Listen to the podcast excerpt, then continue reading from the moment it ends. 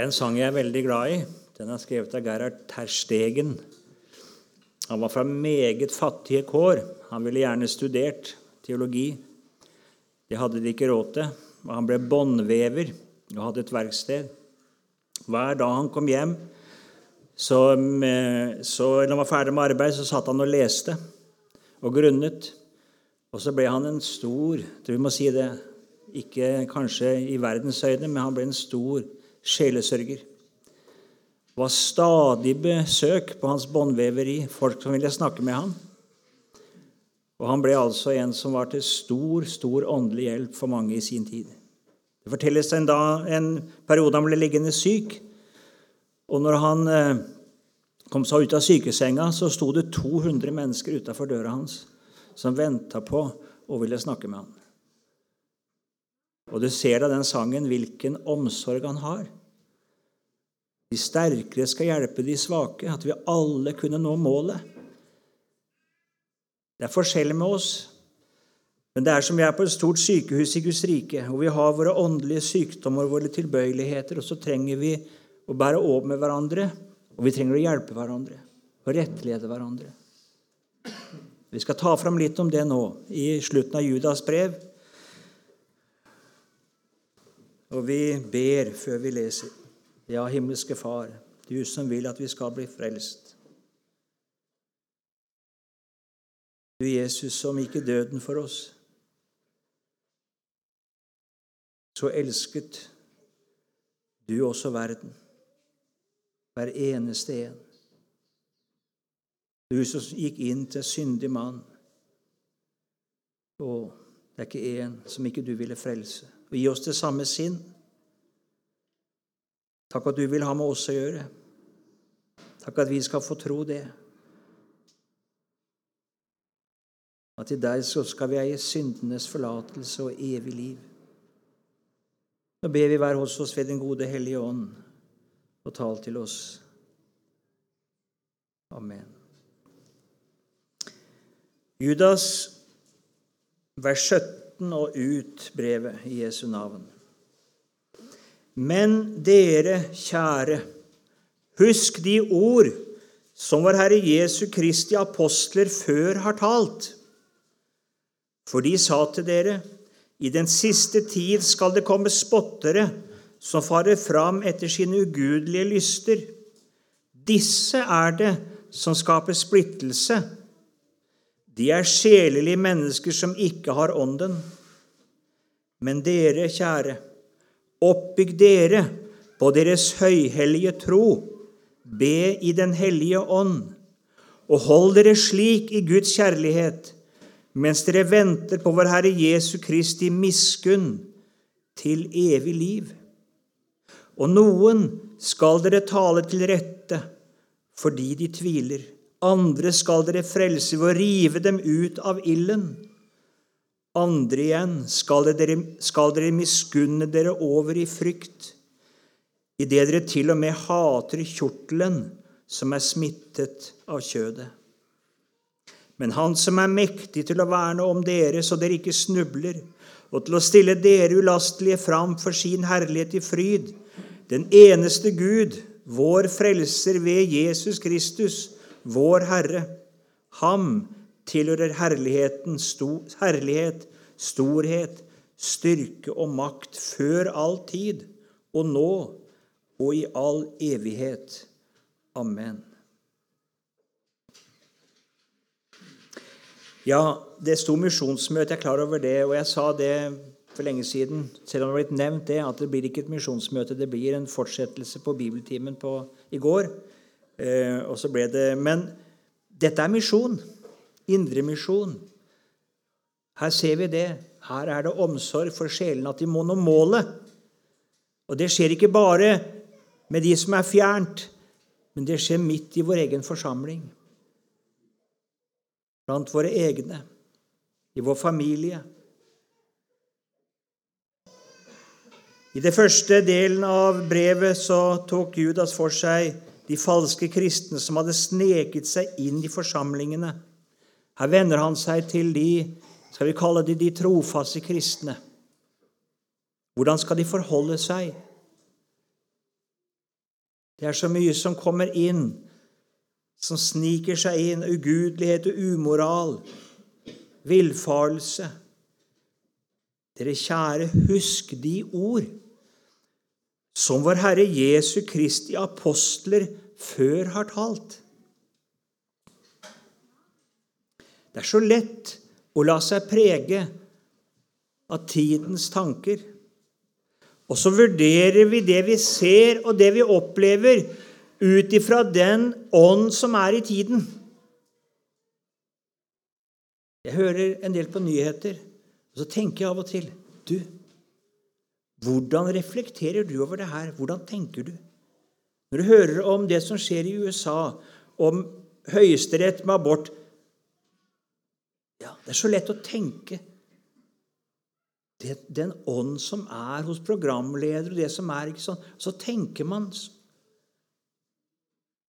Så må du si nei, du må prøve det på Guds ord. Jeg hørte akkurat en tale av Even Andersen holdt nede i Danmark for mange år siden. Og så sier han det. Hva med samvittigheten? Å nei, sier Even Andersen, den kan du ikke stole på. Du kan ikke tenke det at det, det du som kristen kjenner i din samvittighet, det er rett. Nei, det kan du ikke. Du må prøve på Guds ord. For samvittigheten kan så lett være bundet til tidens tankegang. Den må korrigeres. Det er som et, en, et, kompass som kan ha en misvisning. For det er noe som har fått pila ut av kurs. Ja, sånn er samvittigheten din. Din religiøse følelse, din, det du opplever. Kan ikke stole på det. Jeg skal ikke komme inn på det nå, men vi ser David skal føre arken opp fra Kiryat Jerim til Jerusalem. Så følger han sin overbevisning, og det går aldeles galt. Han hadde ikke sett i Guds ord hvordan han skulle forholde seg. Hadde ikke prøvd sin egen overbevisning på Guds ord. Husk de ord som vår Herre Jesu Kristi apostler før har talt. Den onde vet det kan han få deg og meg bort fra Guds ord. Så kan han få oss akkurat dit han vil. Og vi kan tro at vi er på den rette vei. Det kan vi. De sa til dere, i den siste tid skal det komme spottere som farer fram etter sine ugudelige lyster. Både apostelen Paulus og apostelen Peter hadde forkynt dette. Allerede kort tid, allerede, allerede i deres levetid, så var det slik at dette sto fram. Og det er jo like aktuelt, ja, kanskje enda mer aktuelt i vår tid. Direkte spott mot Guds ord. Man harselerer med det, gjør narr av det. Jeg så i dag en ei som skulle ha det til og med på en kristen samling, som skulle drive og ha standup-komikk med, med, Bibelen. Ja, Det syns hun var helt i sin orden. Det sto noe om høyhellig her. Nei, det er intet som er hellig. Spottere, men jeg tenker kanskje enda mer på det at man ikke den, den type spott, men mer om at man distanserer seg fra Guds ord og gjør litt narr av det på en sånn måte at vi kan jo ikke ta det på alvor i dag. Vi er jo i 2022, ikke sant? Man er blitt så fremmed. Jeg sier mann, men jeg tror vi må ta med oss hver eneste en. Vi er langt mer preget av den tid vi lever i, enn vi er klar over. Så går vi så lett forbi noe av det som står. Ringakter det, tar det ikke på alvor, for det er så fjernt fra tidens tankegang.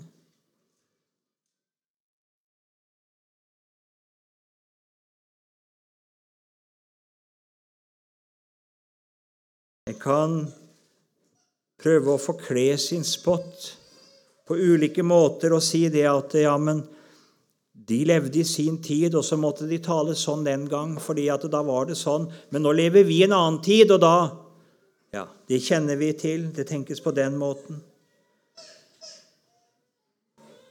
Hadde Jesus levd i dag, så ville han sagt noe annet. Det har vi møtt. Men jeg tenker enda mer på det. Du leser noe. Du leser om hvordan Gud forholder seg til synden i Det gamle testamentet. Tenker du det? Slik er Gud i dag. Eller tenker du det at ja, sånn var det den gang, men den Gud jeg har møtt, og den jeg kjenner, han er ikke slik? Vi leste i, i, i går at Sodoma og Gomorra ligger der i dag, i dag som et vitnesbyrd om Guds dom. At Gud har ikke forandret seg. Han er den samme. Når du går til Guds ord, går du til Guds ord for å bli lært av Guds ord? Gjør du det? Går du til Guds ord for å bli korrigert? Går du til Guds ord for at det skal holdes dom og bråtebrann i livet ditt? Eller går du til Guds ord for å få bekreftelse? For å på en måte stille din samvittighet til ro. For å finne forsvar. Vi var innom Biliam. Han hørte, og han visste hva Guds ord Men han gikk til Guds, Gud igjen.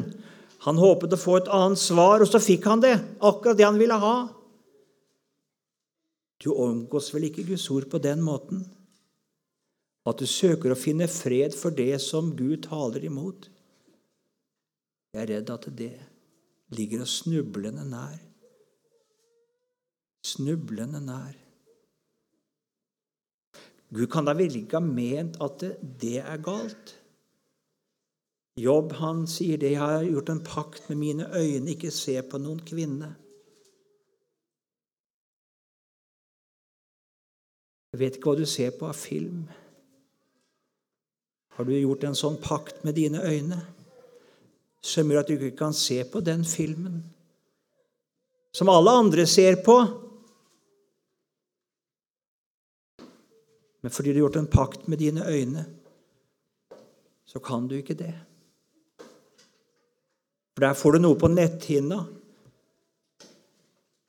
som ikke du skulle sett. Bilder for ditt indre liv som vil prege ditt tankeliv og uregne det. Gud som ville at ektesengen skulle være usmittet. At du skulle holde deg borte fra hor. Og det er så lett å tenke det, ja, men Vi hørte om Lars som var det vel som nevnte det. Nå husker jeg ikke hvem det var. Jo, han nevnte det på, på torsdag. Om Kolnes som gikk til møter. Han gikk, til, han gikk ikke til møte, han gikk til kino. Og så ble han slått i samvittigheten, og så sa han til kameraten nei. Jeg kan ikke bli med dere. Nå har du kinoen på nettet. Du har den i stua di. Du har den på rommet ditt. Og du ser på det som ingen ville sett på før. Med god samvittighet. Alle andre gjør det.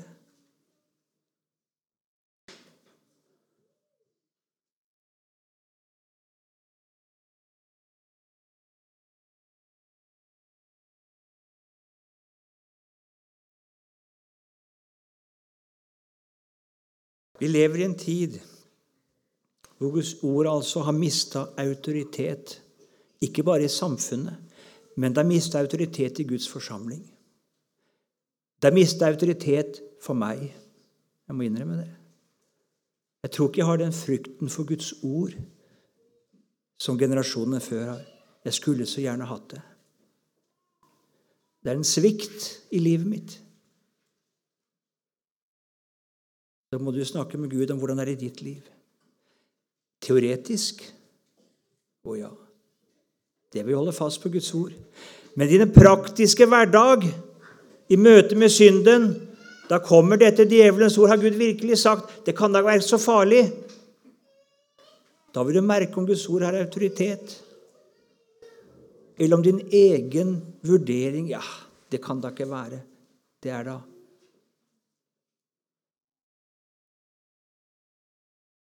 Da prøves det i praksis. Det gjør det. Vi er mer preget, tror jeg, enn vi er klar over, av tidsånden.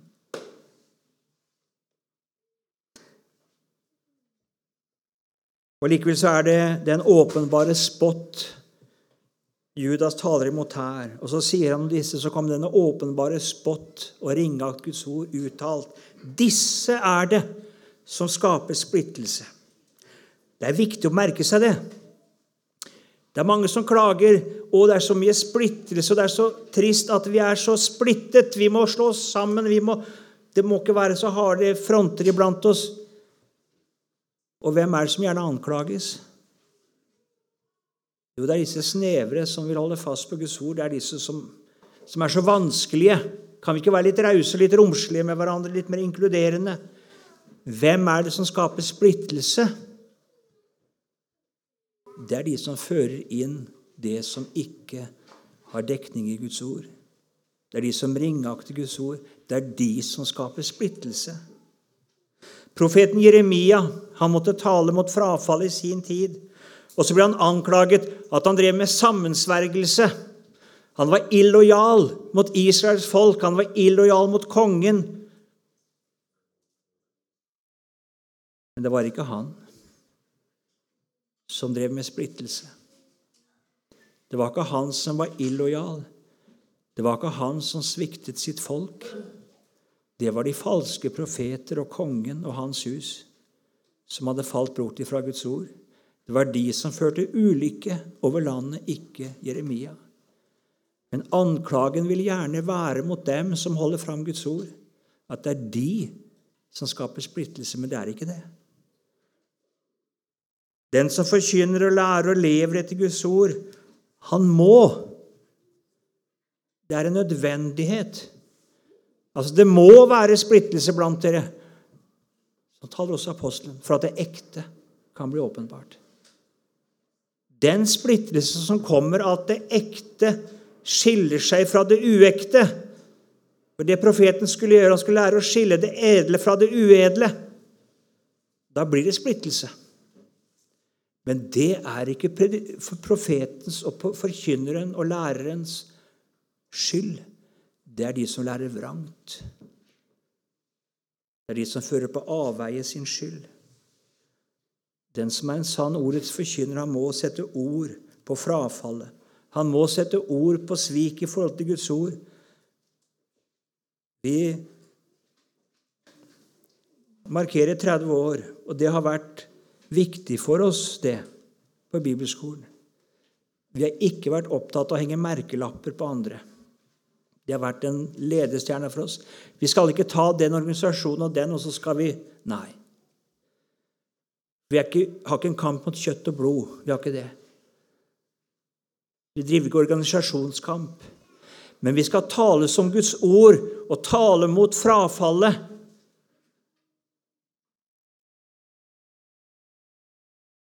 Og så får den som sitter her som elev, tenke og vurdere. Hvor møter jeg dette? Er det i mitt liv? Men det er ikke det vi vi har ikke en kamp mot kjøtt og blod, mot andre organisasjoner. Det er ikke det vi har. Men vi må holde fram det Guds ord sier, selv om det er skarpt. Og Da kan vi bli anklaget for å være illojale, ukollegiale. Som sagt, ansvaret ligger ikke på den som holder fast på Guds ord, men på den som viker. Jeg leste for mange år siden eh, Høk sin bok um, Ja, nå datt navnet ut. Um, nei Hæ? Motstrømmen. Og han fikk så anklager. Han fikk så anklager. Nå hadde Det var så mange prester som sa at nå har tatt, har du tatt fra meg menighetens tillit. Det er din skyld. Du har skapt splittelse i flokken hos meg. Så svarer Høk det. Ja, Det er ikke mitt ansvar, sier han, og det er så enkelt. Du kan gå på prekestolen neste søndag, du. Og så kan du tale klart og tydelig og uttrykke en klar tillit til Guds ord.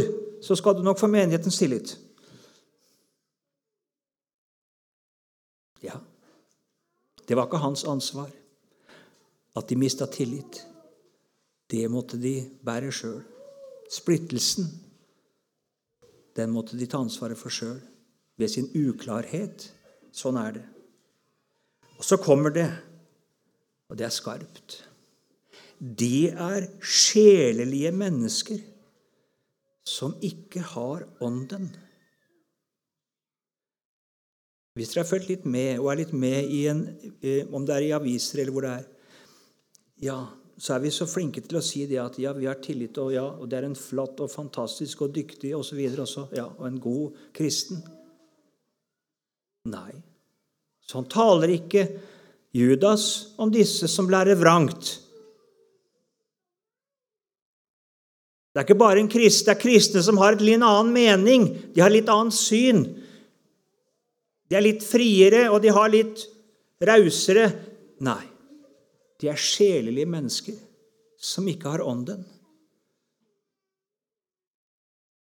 Hvis jeg leser Luther og leser hvordan han omtaler de han kjempet med i sin tid Han taler slik.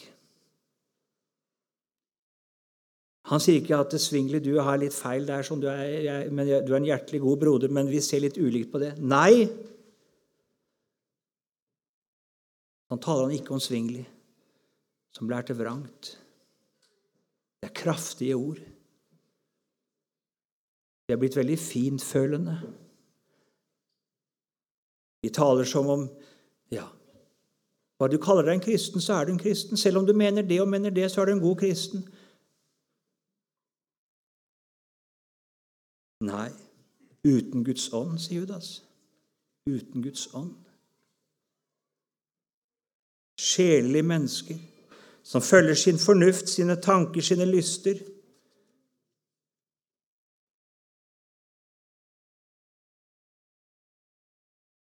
På prekestolen, bak kateteret på en bibelskole, der er det Guds ord som må være rettesnor. Forkynnelsens kilde og innhold. Ikke personlige meninger, ikke erfaringer og opplevelser uten rot i Guds ord. Det er ikke oss lærere, forkynnere, forsamlingen skal få med å gjøre. De skal få med Gud å gjøre. Det er uendelig viktig. Men dere kjære, oppbygg dere på deres høyelige tro. Hva menes det med tro? Du kan ofte møte i intervjuer 'Min tro', kan det stå. 'Min trosreise'. Lurer på hva det er for noe. En slags privatisering av troen. altså Det er noe som jeg forføyer over, og som jeg har, og den er Sånn tales ikke Skriften. Der tales det på en annen måte. Troen er en Guds gave. Den har et bestemt innhold. Det er ikke noe jeg råder over. Det er noe som Gud råder over, og som Han gir som han holder oppe, som er født ved sannhetsord, og som lever ved det sanne ord, og som er uløselig forbundet med dette ord, slik at det kommer jeg bort fra dette ordet, så faller jeg fra troen. Eller det skibrer ut på troen. Jeg ikke lenger lever i samsvar med dette ordet, ikke lenger lever i vekkelsen. Derfor står det i Bibelen at de første kristne de kom til troen. De ble lydige mot troen. De ble styrket i troen. De formanes til å bli faste i troen.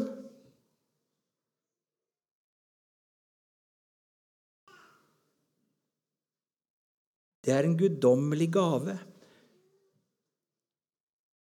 Uløselig forenet med Guds ord og Guds ånd. Den er høyhellig. Det hellige er det ikke sant, som var i Guds I tempelet var det høyhellig det som ikke kunne brukes noe annet, som ikke kunne urennes. Det var noe som var uløselig knyttet til Gud.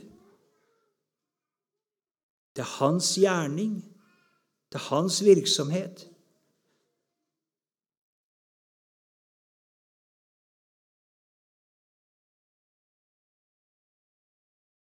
Et menneske som er svakt i troen, hva er det? Det er når troen lite er bundet til dette ordet. Det står noen som er svake i troen. Der var det mange egne tanker og meninger. ikke sant? Har fått innpass knytta til mat og forskjellige sånne ting. Så ble de svake. Ja. Den som er sterk i troen, han bør ikke kjenne seg sterk. Det er ikke det det går på. Nei. Men en tro som er avhengig av Guds ord, som ikke stoler på seg selv, men som henger fast ved Jesus og hans ord, da er troen sterk. For den har sin styrke her. En sterk tro er ikke en som er altså sterk her. Den kan være så skjelvende, men den griper om. Han som er troens opphavsmann og fullender. Jesus. Og så formanes vi til å oppbygge hverandre i troen. Vokse gjennom kjennskapet til Han. Gjennom å bli forenet med Han, mer og mer bundet til Han. Av og til kan du tenke det at den som er sterk i troen, han, han er jo blitt så sterk at han klarer seg. Jeg spør av og til elevene om det.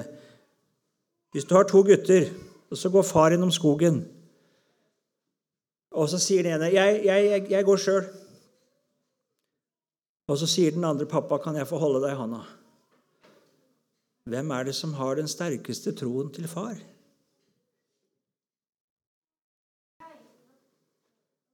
Det er han lille som ikke stoler på seg selv, men må holde i fars hånd, så far griper om den hånda. Ikke han som er blitt så stor. Jeg klarer det sjøl. Jeg kan gå på egen hånd. Sånn er det med en sterk tro.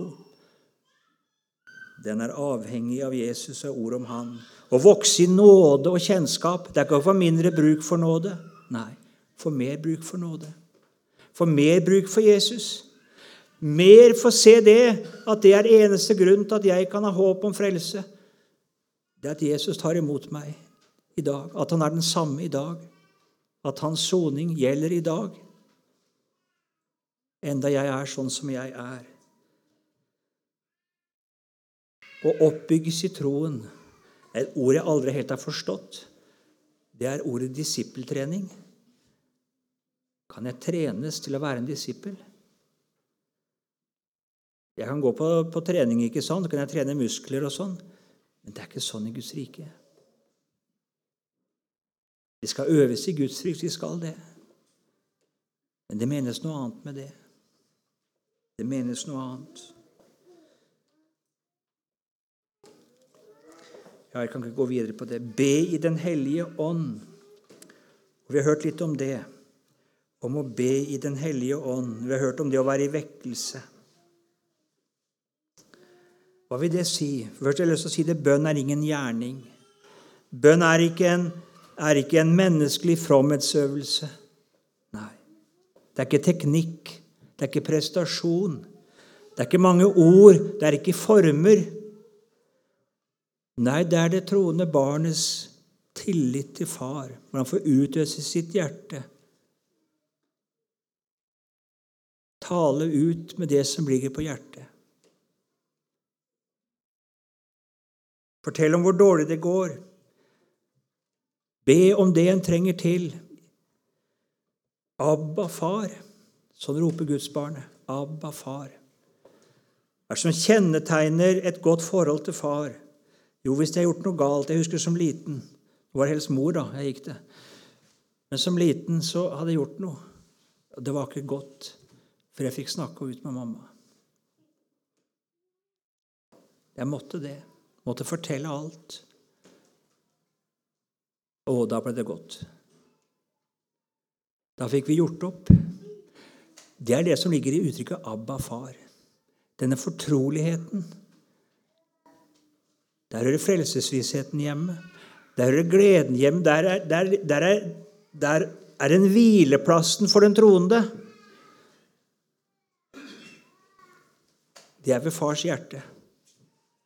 Det er noen som vil ha en hvileplass når de kan lokke Bibelen og holde den på avstand. Og så blir du urolig når du kommer på møte. Du har det vel ikke sånn? Da blir det vanskelig for deg Først vil jeg si det det er enda godt det blir vanskelig da. For da er det enda Guds ånd som taler til deg, at det er noe du skulle ha talt ut med din himmelske far om og gjort opp. Men det gudsbarnet de har det slik at det har fred og hvile når det får lov til å utøse sitt hjerte for Herren.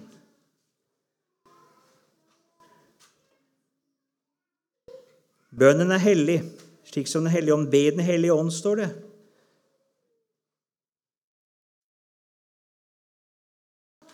Jeg tror det menes med det at denne bønnen den har altså ikke et kjødelig opphav. Det er nettopp en bønn som er virket av ordet om Jesus. Det er skapt en tillit der. Derfor er det en bønn i Den hellige ånd. Det er en bønn i tro og tillit til Jesus. Det er en bønn om syndenes forlatelse. Det er en bønn som er ren, og som søker rener slik Den hellige ånd er ren. Hold dere slik, fortsetter i Guds kjærlighet.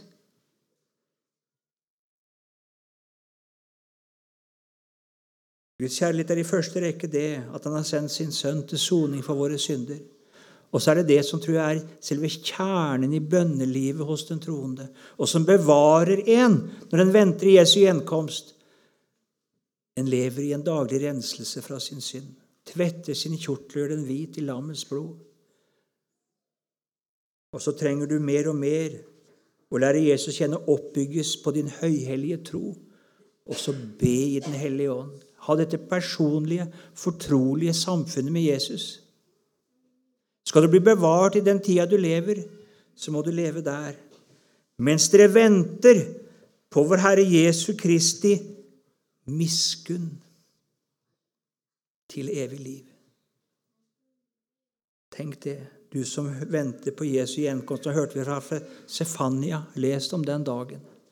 Og Når du leser om den dagen, så står det at den er mørke og ikke lys. Og Likevel så synger Landstad frimodig 'Jeg løfter opp til Gud min sang'. Og så sier han at han, han venter all verdens Så skulle du tro at det sto 'all verdens frelser'. Men i sin frimodighet sier han han venter all verdens dommer. Jeg merker at han synger det. Ja, det kan han synge med frimodighet, fordi han venter på en som gir han miskunn i dommen for Jesus skyld. Barmhjertigheten er det han venter på. For Jesus skyld.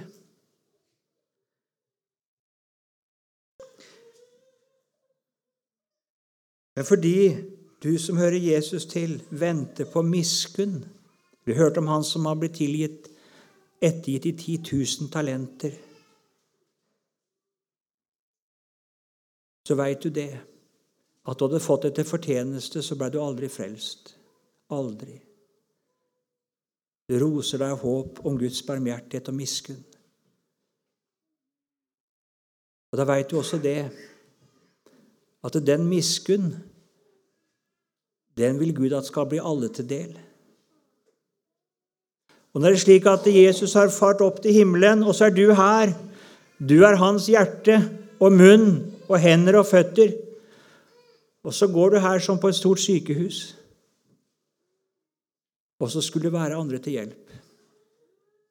Ikke tenk det at når du ser en som har falt, og en som spotter og Så går vi og snakker om det, og hvor ille det er. Og det er så lett, det. Jeg tror vi faller i det alle som en. Istedenfor om vi kunne komme dem til hjelp. Her står det om å komme noen til hjelp og tale til rette fordi de tviler. Da skjønner jeg noen som har kommet inn i den kristne forsamling, og så har man blitt preget av tidsånden, slik at man ikke helt vet lenger hvor veien går hva som er rett, og hvordan en skal forholde seg. Ta de til rette. Rettled, står det egentlig her. Få dem inn på rett vei igjen. Det er i tvil.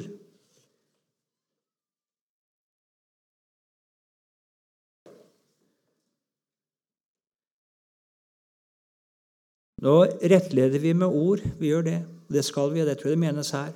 Men du skal også rettlede gjennom måten du lever på. Tenk på når jeg satt med dette her, så tenkte jeg på to personer. i Det gamle testamentet. Og deres forhold til verdens mennesker. Den ene er Abraham, og den andre er Lot. Hvem avla det sterkeste vitnesbyrdet i Kanan om deres himmelhåp og liv med Gud? Var det Abraham, eller var det Lot? Det er ingen tvil om hvem som hadde mest kontakt med verden. Det var Lot. Han tok bolig i Sodoma. Han levde de så nært. Og han talte med dem òg. De var forarget på han fordi han talte og gjorde seg til dommer og talte imot synden der. Men avla han et sterkere vitnesbyrd enn Abraham, som holdt seg på armlengdes avstand og ikke ville ta imot den utstrakte hånd fra kongen av Sodomen. Han ville ha han til forbundsfelle, men løfta sin hånd imot himmelen. Det er ikke tvil om det. Det er ikke sånn det tenkes i dag. I dag tenkes det det at vi må være der, for vi skal nå dem. Jeg tror du vil avlegge et sterkere vitnesbyrd ved å gjøre som de første kristne, hvor verden undret seg at de ikke løp med dem i den strøm som de var i.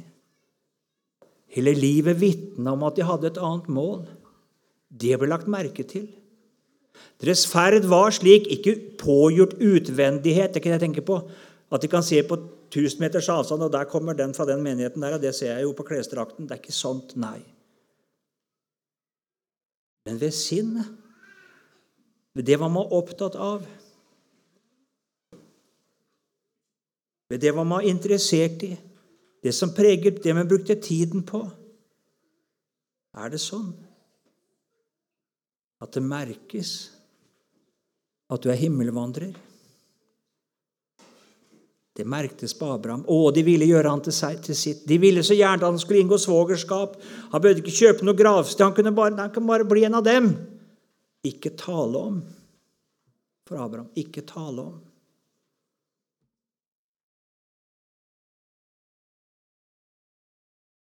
Lot, han ble en av dem. Han talte imot, men han var med på ferden. Det ble dårlig med vitnesbyrd. Selv hans egen familie. Det gikk så galt. Andre skal dere frelse ved å rive dem ut av ilden. Det måtte Lot. Han måtte rives ut av ilden. Det hadde gått så galt, og sånn vil det gå i våre forsamlinger òg. Og det er noen som er der.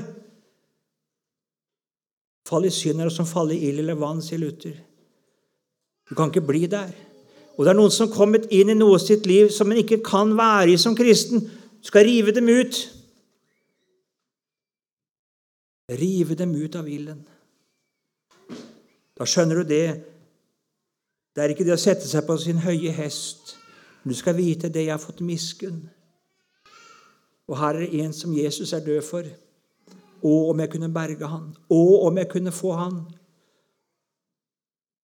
ut av det han har fanget i.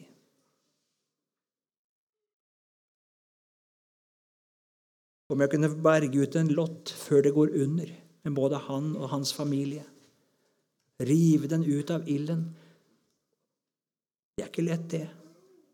Det var ikke lett for englene å få Lot med seg. De måtte ta han ved hånden og dra han ut med makt. Og når du kommer og snakker om, med, med, en i forsamling som har kommet inn Du må ikke tro at du blir velansett, du som er far og mor, når du snakker med dine barn. Du må ikke tro at du blir vel ansett.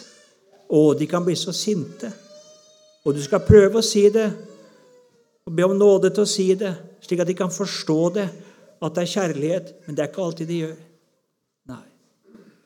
Jeg takka mine foreldre som 18-19-åring, særlig min mor, at hun hadde så stor kjærlighet til meg at ikke hun ga etter for alt det jeg hadde lyst til, men sto fast. Og hvor jeg ville at de skulle følge meg og akseptere mitt. Og så var det som en mur som sto der, og jeg stanga i den, og jeg tråkka over den. Og hadde dårlig samvittighet og ville gjerne ikke ha den dårlige samvittigheten. Og det var de som var problemet. Kunne ikke de bare flytte grensene? Og så gjorde de ikke det. Og så skjønte jeg det. Det var kjærlighet som tålte å bli motsagt. Som tålte å bli misforstått. Som tålte å bli skjelt ut. Og mange tenker at det er ikke kjærlighet. Mange barn tenker at det er ikke kjærlighet. Nei, de er så harde, de er så vanskelige, de er så urimelige. Mens de foreldre som følger sine barn, de er likegyldige med sine barn. Det er sannheten. Den ungdomsleder og forkynner er likegyldig. Det er ingen som spør etter min sjel, sier David. På sin eldre dager de hadde sett han var så glad i kvinner, så henter ei ung jente til han, skal varme han i senga. Han hadde ikke omgang med henne. Jeg lurer på om det er da David skriver det er ingen som spør etter min sjel. De brydde seg ikke om moral. De ville gi han det de tenkte han hadde. Nei, men ingen spør er det rett. Du som er mor og far. Viktigere enn å bli likt av dine barn. Viktigere enn å bli forstått av dine barn. At du elsker dem søker å rive dem ut av ilden, selv om du møter motstand.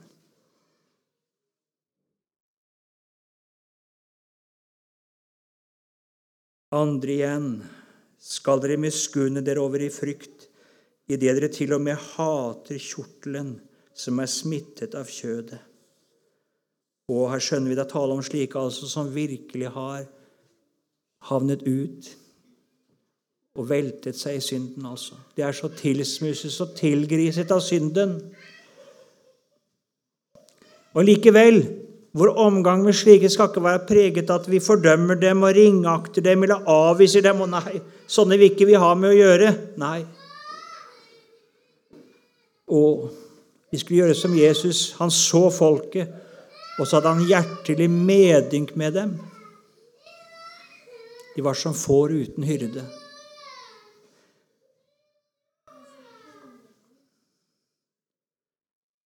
Men vi skal gjøre det på en bestemt måte, og merk deg det.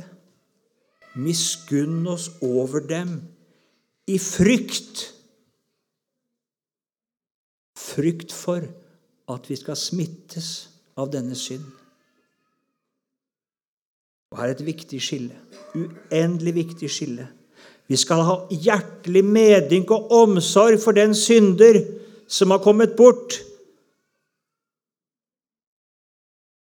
uten å oppheve vår avsky og frykt for synden.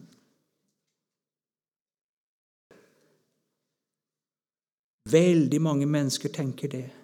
At skal jeg elske et menneske, så må jeg akseptere det. Så skal jeg bruke et bilde. Det er et sant bilde også, en sann historie, bare for å forklare det. Her på denne talerstolen, eller kanskje var der inne en gang, så hadde vi jeg skal ikke si hvem, det var altså en som var jøde. Skulle snakke litt om Israel. Og så sier han det til oss som var kristne, at han anså oss som antisemitter. Kanskje var det i samtale etterpå. Så lenge ikke vi aksepterte dem i deres tro. Og det kunne jeg ikke være med han på. Da får han regne meg for antisemitt. Men jeg må si det som Nytestamentet sier. De jødiske apostler sier det er bare ett navn gitt under himmelen som vi kan bli frelst ved. Det er Jesu navn. Og uten det så er man fortapt.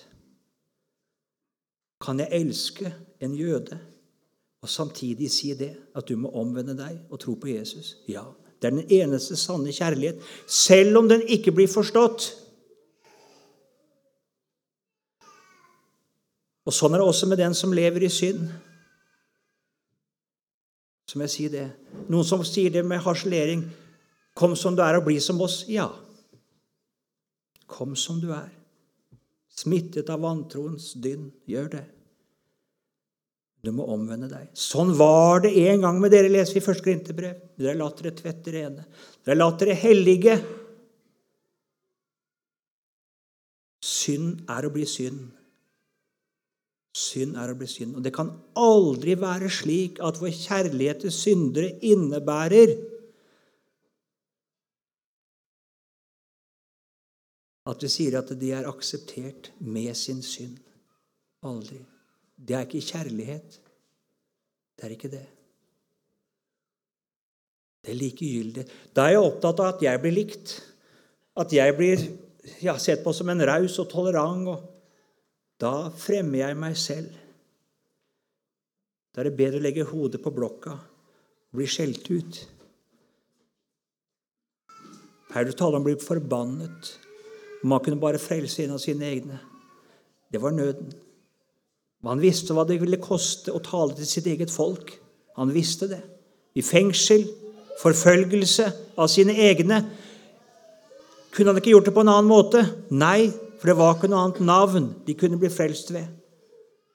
Og sånn er det også for syndere som lever i synd. Det er ingen annen vei enn omvendelse og syndenes forlatelse i Jesu blod. Ingen annen vei. Og det må vi holde fram. Og I denne omgang med mennesker vi kommer til å møte mer av det, overbevist om. I den kristne forsamling mennesker som roter seg inn i synd. Å, det er så lett, og det er så lett at det innebærer det at vi, ja, det er ikke så nøye. Det, det, Gud er så stor, og, og så viker vi fra det. Og så smittes vi, og så kommer surdeigen inn. Jeg kan lese første Korinterbrev om hvordan apostelen Paulus forbarmer seg over en som er falt i hor. Han forbarmer seg over han ved å utelukke han fra menigheten. Så kan du lese andre korinterbrev. Hvordan denne forbarmelse og medynk, som virker så hard, har blitt til frelse. Nå er det nok, sier Paulus. Nå kan dere ta imot han. Det var av medynk han var så hard. Våger vi det? Har vi den kjærligheten? I en tid som ikke forstår den. Og du blir skjelt ut som en mørkemann hvis du elsker på den måten. Har du en sånn kjærlighet som tåler det? Eller er du mer opptatt av at andre skal synes at du er en virkelig fin og mild og kjærlig kristen, som viser stor forståelse og raushet og inkludering? Nei, vi må slutte der. Han som er mektig til å verne om dere, så dere ikke snubler, og til å stille dere ulastelig fram for sin herlighet til fryd, den eneste Gud, vår frelse ved Jesus Kristus, vår Herre. Jeg skal ikke si noe mer bare ta med det. Den eneste Gud, vår frelser. Det er ingen annen frelser. Det må menneskene få høre. Det er ingen annen frelse. Det er ikke noe annet navn. Det er ingen annen frelse. Og det er ingen annen vei enn omvendelse og syndenes forlatelse. Det var det apostelen skulle forkynne. Omvendelse og syndenes forlatelse. De som står for Gud en dag, det er de som har tvettet sine kjortler og gjort dem hvite i lammets blod. Gud er hellig. Synden har ingen plass i himmelen. Guds kjærlighet er ikke det at han favner alle. At Guds kjærlighet er det at han sendte sin sønn til soning. Slik at vi ved omvendelse og tro på ham og ta vår tilflukt til ham med vår synd for å bli renset, ikke skal fortapes, men ha evig liv. Den porten, den må hvert eneste menneske inn gjennom, og den må vi lede dem til. Omvendelse og syndenes forlatelse. Ja, kjære Jesus, det ligger deg på hjertet, og gi oss samme sinn som du har. Den kjærlighet til syndere.